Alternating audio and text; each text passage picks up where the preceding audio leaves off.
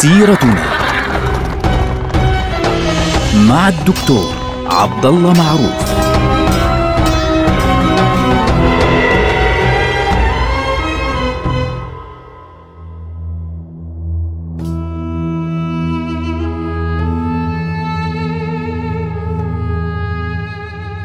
السلام عليكم ورحمة الله وبركاته. سيرتنا سيرة هذه الأمة العظيمة ونحن الآن في عهد السلطان سليمان القانوني. طبعا السلطان سليمان القانوني ذكرنا في حلقات ماضية أنه استمر بانتهاج سياسة والده تجاه الدولة الصفوية. يعني الرجل كان مشغول في حروبه في أوروبا بعد ذلك كان مشغولا في حروبه في المنطقة العربية. انشغل ضد الصفويين فترة. أزاح الشاه طهماسب الأول بعيدا فر فتحرك السلطان باتجاه العراق. انشغل خلال ذلك الوقت بالجزائر انشغل بتونس انشغل باليمن أيضا ليثبت الأمور ضد العدو البرتغالي في ذلك الوقت والإسباني والإيطالي أيضا في خضم كل هذه الحركات والحراك اليمين واليسار والشمال الجنوب في كل هذه المناطق. لم ينسى السلطان سليمان القانوني أن الدولة الصفوية لم تنتهي بعد وأن الدولة الصفوية ما زالت تشكل خطورة كبيرة على الدولة العثمانية. ولذلك كان السلطان سليمان القانوني عينه دائما على الدولة الصفوية ليراقب ماذا ستفعل هذه الدولة خاصة أن الشاه طهماسب الأول لم يسلم فعليا بهزيمته في منطقة أذربيجان وخروجه من تبريز. فحاول بكل قوته أن يخرب الأمور على الدولة العثمانية في شرق الأناضول يعني حاول أنه يدخل مرة أخرى من خلال شرق الأناضول. طبعا في المرة الأولى في بداية عهد السلطان سليمان القانوني كان الشاه طهماسب الأول عندما استلم الحكم حاول أنه يدخل إلى الدولة العثمانية من خلال التشيع فعليا يعني من خلال تشييع المناطق الموجودة في شرق الأناضول أو تهييج الشيعة ضد الدولة العثمانية. ولكن بشكل عام يعني كانت الحملة التي قام بها السلطان في عام 1535 و 1536 التي قضى فيها فعليا على الوجود الصفوي في هذه البقاع جعلت الأمور مستتبة إلى حد ما. لكن الدولة الصفوية استمرت تنشط في بث المذهب الشيعي في شرق الأناضول. طبعا السلطان ياو السليم كان قد يعني حاول بكل قوته وقف هذه العملية. أيضا السلطان سليمان القانوني حاول وقف هذه العملية خاصة إنها كانت يمكن أن تؤذي الدولة العثمانية بشكل كبير جدا بحيث أنه المناطق هذه في شرق الأناضول تصبح لا تتبع ناقمة على الدولة العثمانية ويصبح ولاؤها للدولة الصفوية ولاء طائفيا لا ولاء سياسيا. طبعا سليمان مباشرة شن الحرب كما قلنا في المرة الأولى ضد الدولة الصفوية ولكنه لم يتمكن من السيطرة على هذه البقاع. طبعا بعد أن سيطر السلطان سليمان القانوني على بغداد والعراق ومكث فيها أربعة أشهر ورجع بعد ذلك إلى إسطنبول ظهر كأن الأمور انتهت وكأن الهدوء قد عاد وكأن الشاه طهماسب الأول يعني استكان إلى إلى الأحداث التي حصلت سابقا. ولكن الموضوع لم يكن كذلك. بدأ الصفويون نشر مذهبهم بالقوة في شمال أذربيجان في منطقة شروان وفي داغستان. داغستان طبعا معروفة هي شرق القوقاز. مما جعل أمير هذه المنطقة وهو سني طبعا يرسل إلى الدولة العثمانية يستنجد بالدولة العثمانية. أضف إلى ذلك حدث خلاف داخل العائلة الصفوية بين الشاه طهماسب الأول وأخوه اللي هو القاس ميرزا فالقاس ميرزا مباشرة أرسل إلى الدولة العثمانية واستنجد بالسلطان سليمان ضد الشاه طهماسب الأول.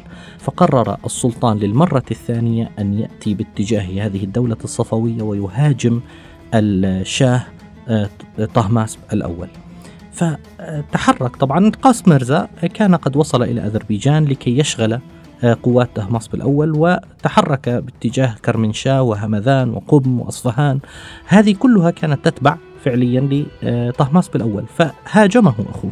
لكن الشاه قبض على ميرزا وسجنه في في سجن ألاموت وبقي هناك في هذا السجن. فمباشرة السلطان تحرك باتجاه شرق من شرق الأناضول باتجاه تبريز وانسحب الشاه مرة أخرى يعني هرب منها. هذه المرة الثالثة التي تدخل قوات العثمانيين إلى تبريز العاصمة الصفوية في ذلك الوقت. عاصمة الدولة الصفوية في عام 1548 للميلاد 955 للهجرة.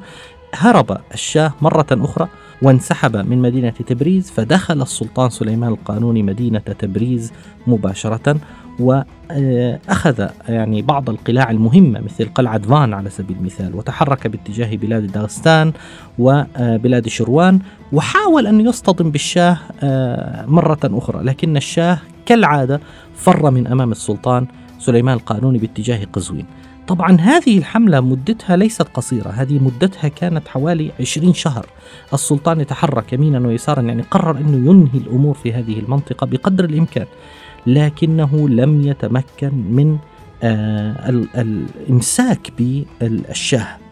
لأنه هو فعليا يريد أن يواجه الشاه في معركة كبرى فيقضي بها على الصفويين. لذلك استأنف الحرب مرة أخرى في عام 1553 اللي هو 960 للهجرة وبدأت العمليات العسكرية بعد ذلك في العام التالي باتجاه مدن آه، روان نهجوان. هذه كلها طبعا في مناطق آه، أذربيجان في الشمال يعني قريب من شمال نهر الرس.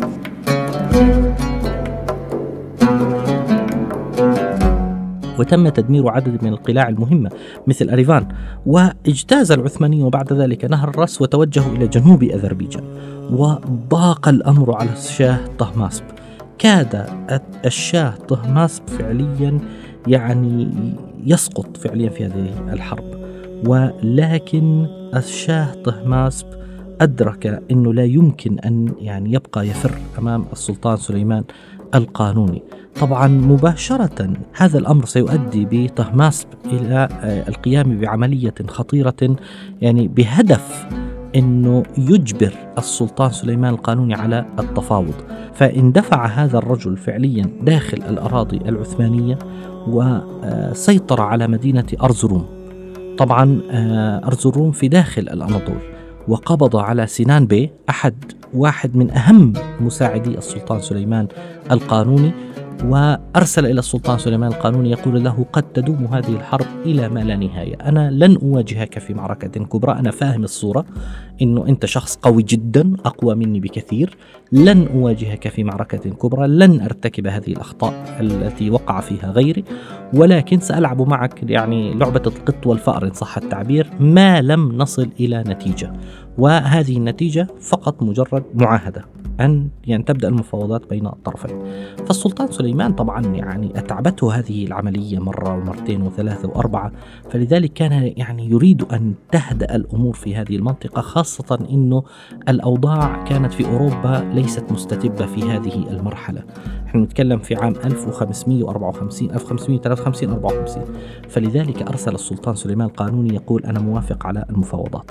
بدأت المفاوضات بين الطرفين وتمخضت المفاوضات عن توقيع اتفاق سمي اتفاق أماسيا. أماسيا مدينة معروفة في قريبة على البحر الأسود في آه، وسط الأناضول تقريبا.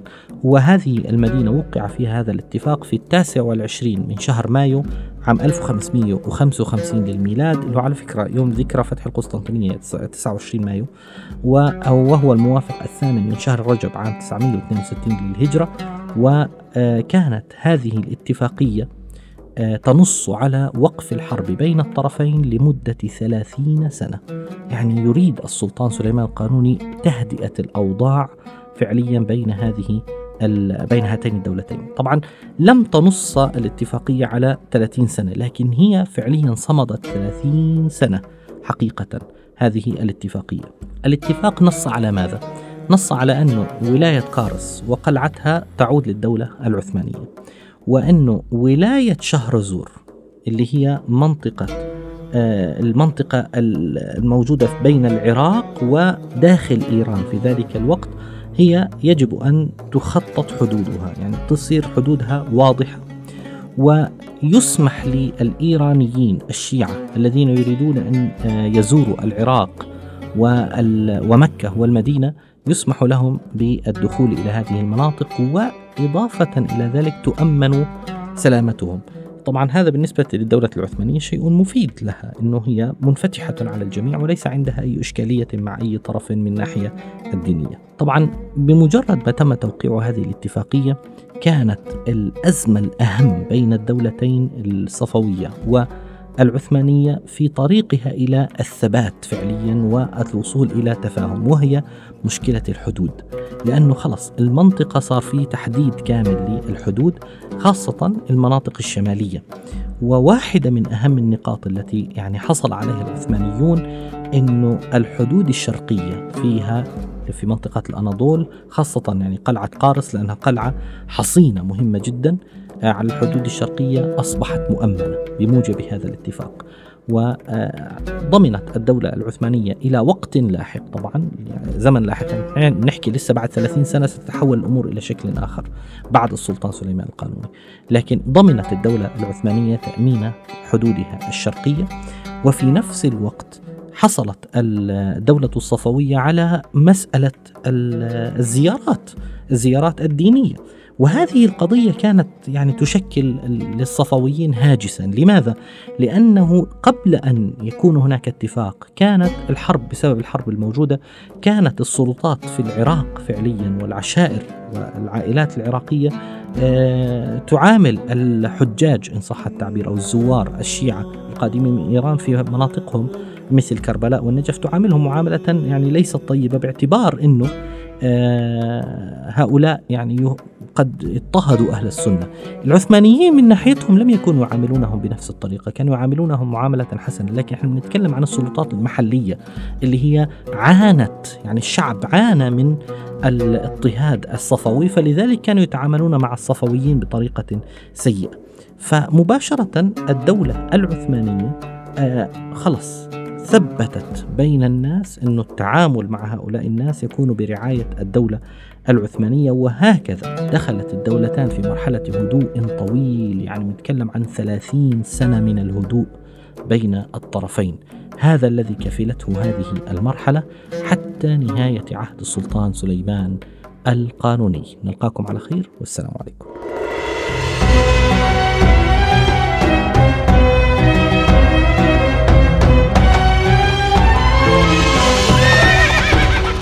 سيرتنا